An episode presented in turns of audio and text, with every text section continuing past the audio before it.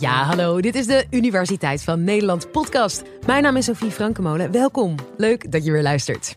Stel, je maakt constant de verkeerde keuzes. Je kwetst je beste vriend, je geeft te veel geld uit of je begaat een misdaad. Die beslissingen kunnen nare gevolgen hebben. Hoe zorg je ervoor dat je niet opnieuw de fout ingaat? Neuropsycholoog Lisa Cornet van Universiteit Leiden vertelt hoe virtual reality hierbij kan helpen.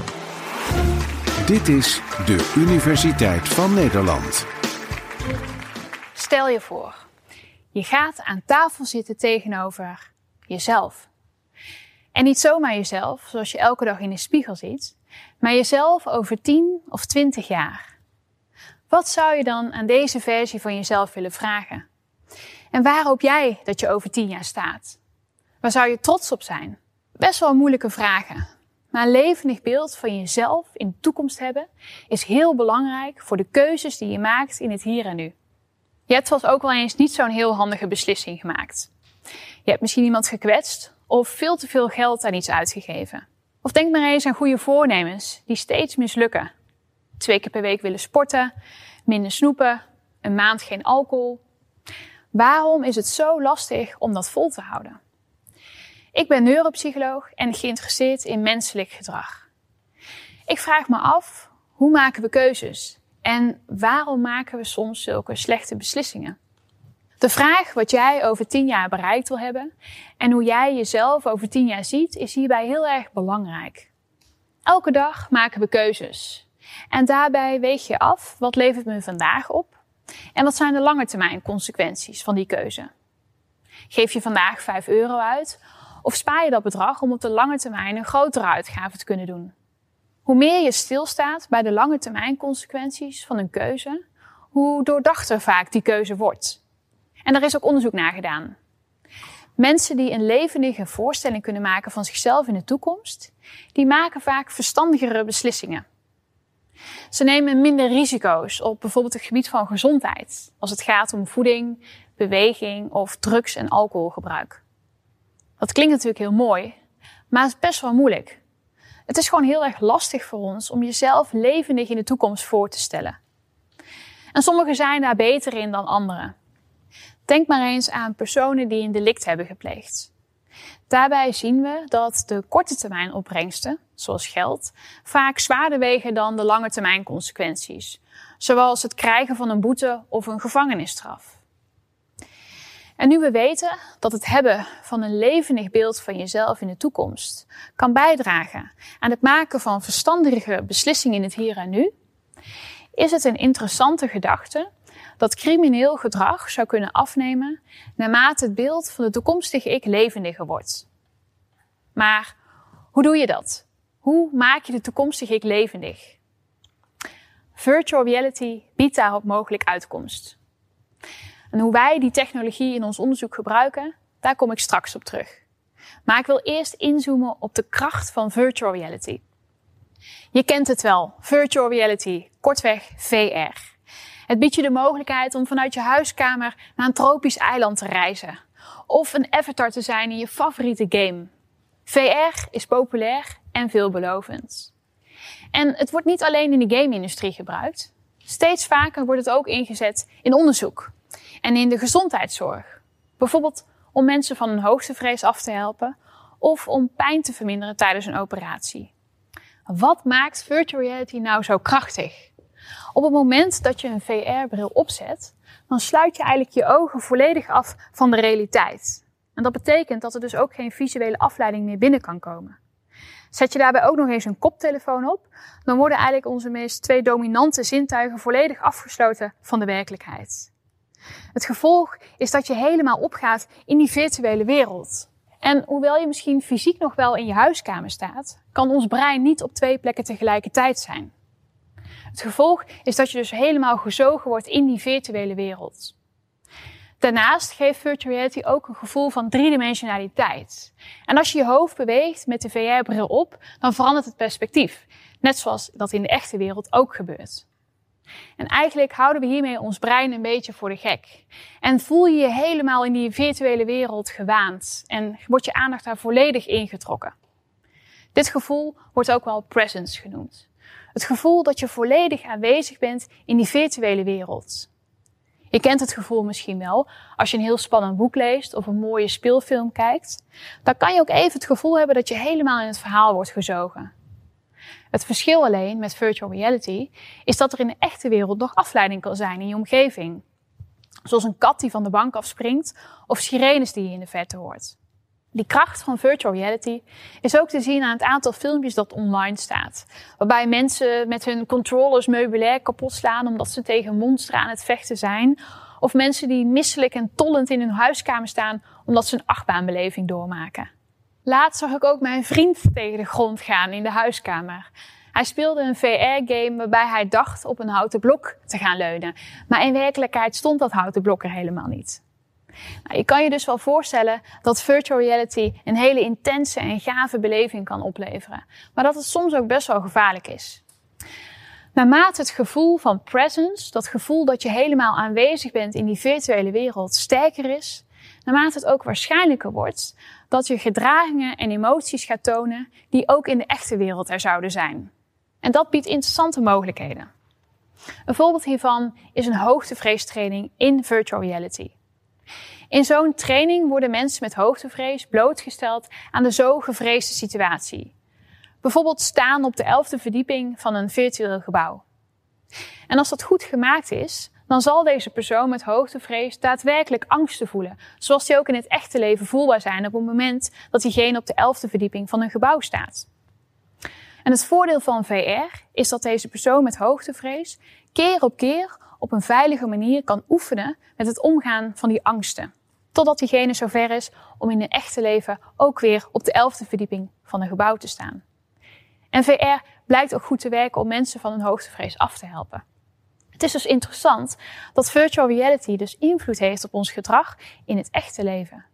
Die hoogtevreestraining, dat is een voorbeeld waarin mensen getransporteerd worden naar een andere situatie. Om daar bijvoorbeeld te oefenen met bepaald gedrag of omgaan met angsten.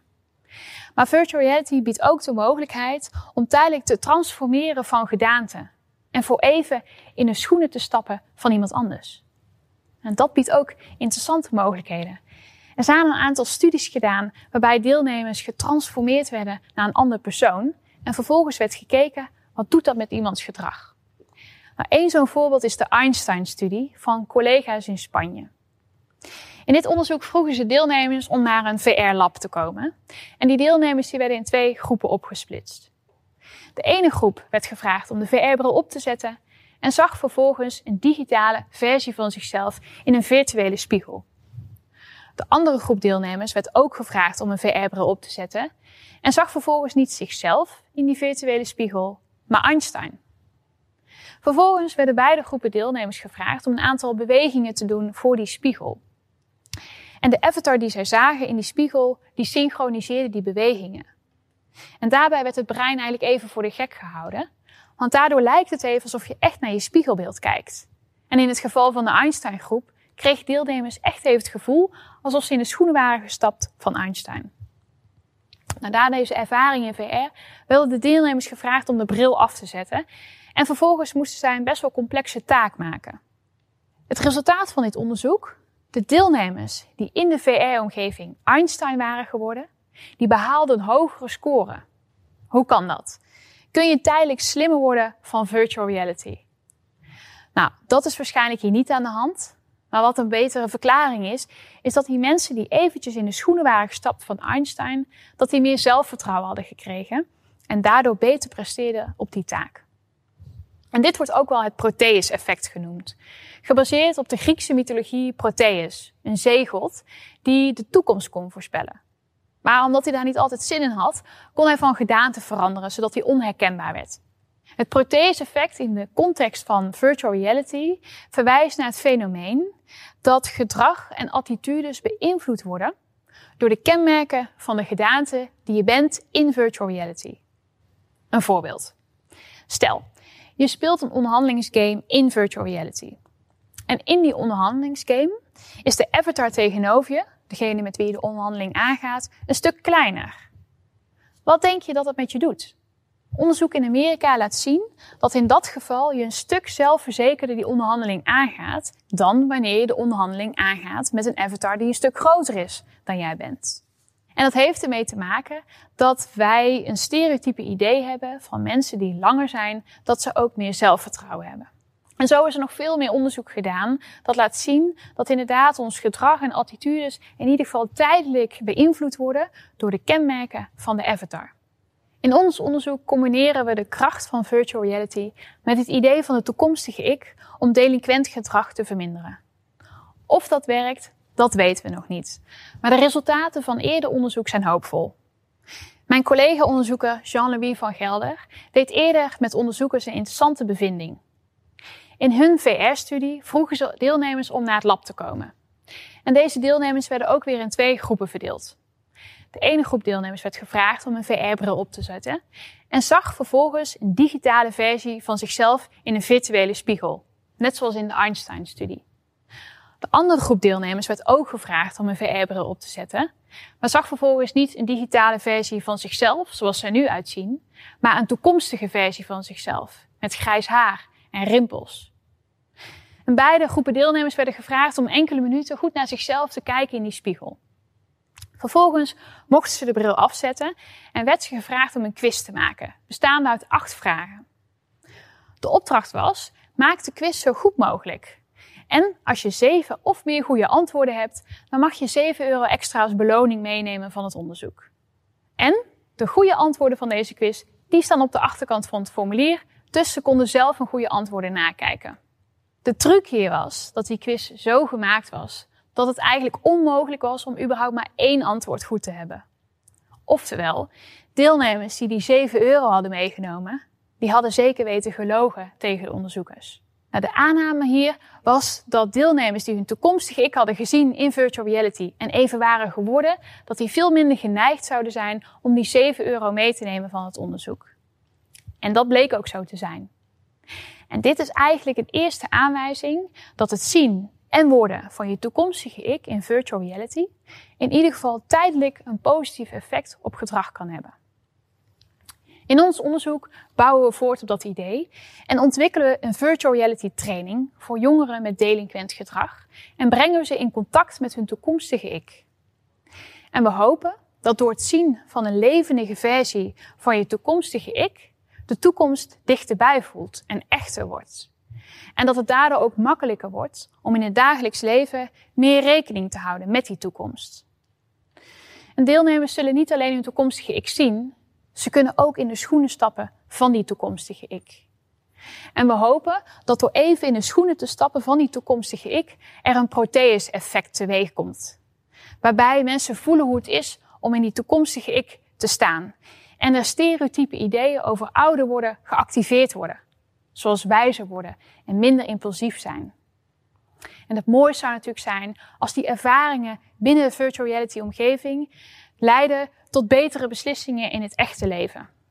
Of virtual reality op deze manier ook gaat werken om crimineel gedrag te verminderen, dat weten we nog niet. Maar op basis van dit verhaal kan jij zelf al aan de slag met je toekomstige ik.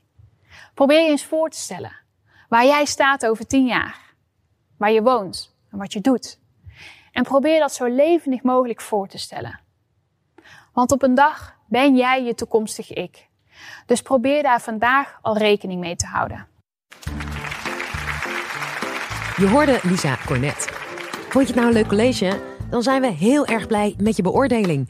Kan niet in elke podcast-app, maar wel bijvoorbeeld in Spotify. Daar kun je sterren geven. Dus thanks voor de moeite en uh, tot de volgende.